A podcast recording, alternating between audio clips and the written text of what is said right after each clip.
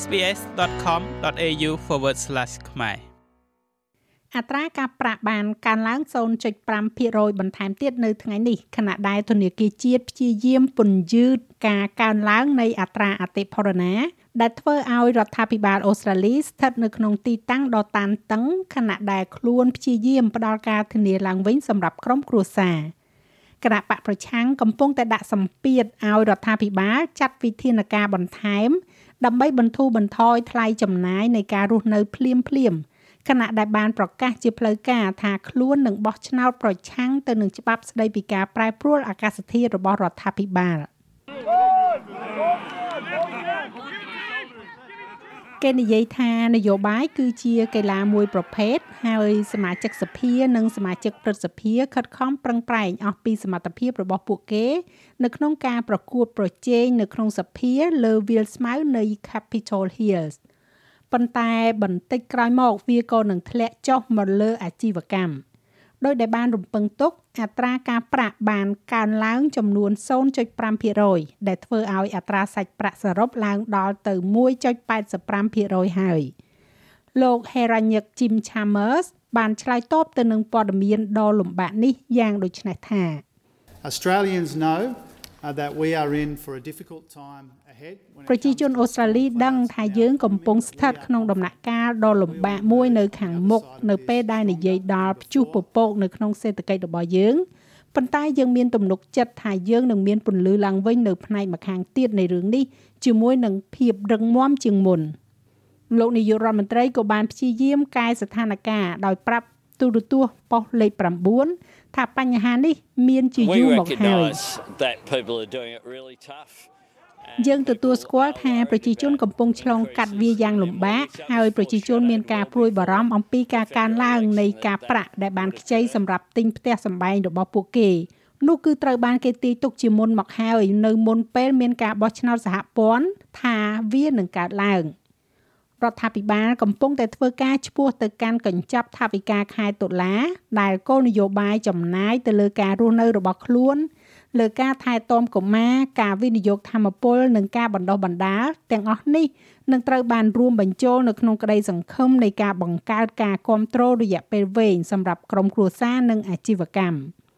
ប៉ុន្តែមេដឹកនាំបកប្រឆាំងលោក Peter Dutton កំពុងអំពាវនាវឲ្យមានវិធានការភ្លាមៗ។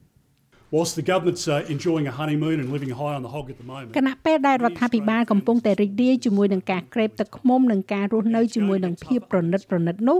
នៅពេលនេះក្រុមគ្រួសារនិងអាជីវកម្មខ្នាតតូចរបស់អូស្ត្រាលីជាច្រើនកំពុងតែឆ្លងកាត់នៅការលំបាកហើយវានឹងកាន់តែតឹងតែងទៅទៀតនៅក្រោមការដឹកនាំរបស់រដ្ឋាភិបាលនេះ។ ខ្ញុំគិតថាប្រជាជនអូស្ត្រាលីចាប់ផ្ដើមដឹងហើយថាមិនមែនបញ្ហាទាំងអស់ជាពិសេសបញ្ហានៅបរទេសដែលកំពុងតែធ្វើឲ្យរដ្ឋាភិបាលនេះមានបញ្ហានោះទេប៉ុន្តែយើងបានដឹងរួចទៅហើយថាចាប់តាំងពីខែចាប់ផ្ដើមដំណើរការដំបូងនៃរដ្ឋាភិបាលនេះគឺពួកគេមិនមានផែនការណាមួយសម្រាប់ដោះស្រាយនៅបញ្ហានេះនោះទេ វិធានការមួយដែលបកចម្រុះបាននិងកំពុងតែដាក់សម្ពាធទៅលើរដ្ឋាភិបាលនោះគឺការបន្តពេលវេលាលើកលែងពន្ធលើប្រេងឥន្ធនៈវិធានការនេះត្រូវបានអនុវត្តដោយអតីតរដ្ឋាភិបាលដោយកាត់បន្ថយពន្ធប្រេងឥន្ធនៈពាក់កណ្ដាលពី44សេនក្នុង1លីត្រមកនៅត្រឹម22សេនហើយនឹងផុតកំណត់នៅចុងខែកញ្ញា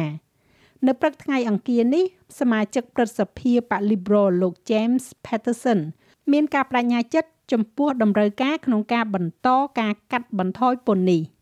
If they don't then Jim Chalmers ប្រសិនបើពួកគេមិនព្រមធ្វើទេដូច្នេះលោក Jim Chalmers នឹងត្រូវទទួលខុសត្រូវចំពោះការកើនឡើង22សេនក្នុង1លីត្រដែលប្រជាជនអូស្ត្រាលីគ្រប់រូបនឹងត្រូវបង់នៅពេលដែលពួកគេចាក់បំពេញធុងសាំងរបស់ពួកគេប្រជាជនអូស្ត្រាលីកំពុងតែរងទុក្ខនៅពេលនេះនេះគឺជាការកាត់បន្ថយពន្ធសម្រាប់ពួកគេដែលនឹងជួយជំរុញអតិផរណាឲ្យធ្លាក់ចុះ។ ប៉ុន្តែវាទំនងជាគណៈបកប្រឆាំងទាំងមូលមិនបានបដិញ្ញាចិត្តទាំងស្រុងចំពោះគំនិតនេះទេដោយអ្នកនាំពាក្យរដ្ឋាភិបាលគឺលោក Angus Taylor ហាក់មិនសូវជាមានការសាទរចំពោះរឿងនេះទេកាលពីរសៀលថ្ងៃអង្គារនេះ Would you support the excise cut being អ្នកសារព័ត៌មានសួរថាតើអ្នកគ្រប់គ្រងការកាត់បន្ថយពន្ធដែលត្រូវបានពន្យាពេលលើសពីខែកញ្ញាជាផ្នែកនៃផែនការនេះនោះទេលោក Taylor ឆ្លើយថាអ្វីដែលយើងគ្រប់គ្រងគឺវិធានការជាក់ស្ដែងដែលនឹងរក្សាឬក៏ដោះស្រាយជាមួយនឹងសម្ពាធនៃការរស់នៅ ដែលប្រជាជនអូស្ត្រាលីកំពុងតែប្រឈមមុខនោះគឺជាអ្វីដែលយើងចង់ឃើញ។ រដ្ឋាភិបាលបានបញ្ជាក់ថាខ្លួនមិនបានពិចារណាលើការពន្យាពេលដែលអាចធ្វើឲ្យសេដ្ឋកិច្ចខាតបង់ប្រហែលជា3000លានដុល្លារសម្រាប់រយៈពេលតែ6ខែបន្ថែមទៀតនេះនោះទេឥឡូវនេះគណៈបកប្រឆាំងក៏ស្ថិតនៅក្រោមការត្រួតពិនិត្យយ៉ាងតឹងតែងផងដែរបន្ទាប់ពីបានប្រកាសជាផ្លូវការថាខ្លួននឹងបោះឆ្នោតប្រឆាំងទៅនឹងច្បាប់ស្តីអំពីការប្រែប្រួលអាកាសធាតុរបស់រដ្ឋាភិបាល។ ការកំណត់គោលដៅកាត់បន្ថយការបំភាយឧស្ម័ន43%នៅឆ្នាំ2030នៅតែត្រូវបានពិចារណាដោយប៉ាក់ Green ដែលនឹងប្រកាសជាផ្លូវការនៅជំហររបស់ពួកគេនៅថ្ងៃពុធនេះ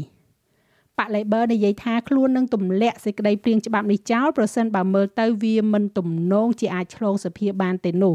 ខណៈដែលខ្លួនអាចសម្រេចបាននៅគោលដៅនេះដោយមិនចាំបាច់មានការអនុម័តច្បាប់ចាស់ហើយរបាយការណ៍នេះចងក្រងឡើងដោយ Christiani ដានជីសម្រាប់ SBS News និងប្រាយសម្រួលសម្រាប់ការផ្សាយរបស់ SBS ខ្មែរដោយនាងខ្ញុំហៃសុផារ៉ានីចូលចិត្តអ្វីដែលអ្នកស្ដាប់នេះទេ Subscribe SBS ខ្មែរនៅលើ Podcast Player ដែលលោកអ្នកចូលចិត្ត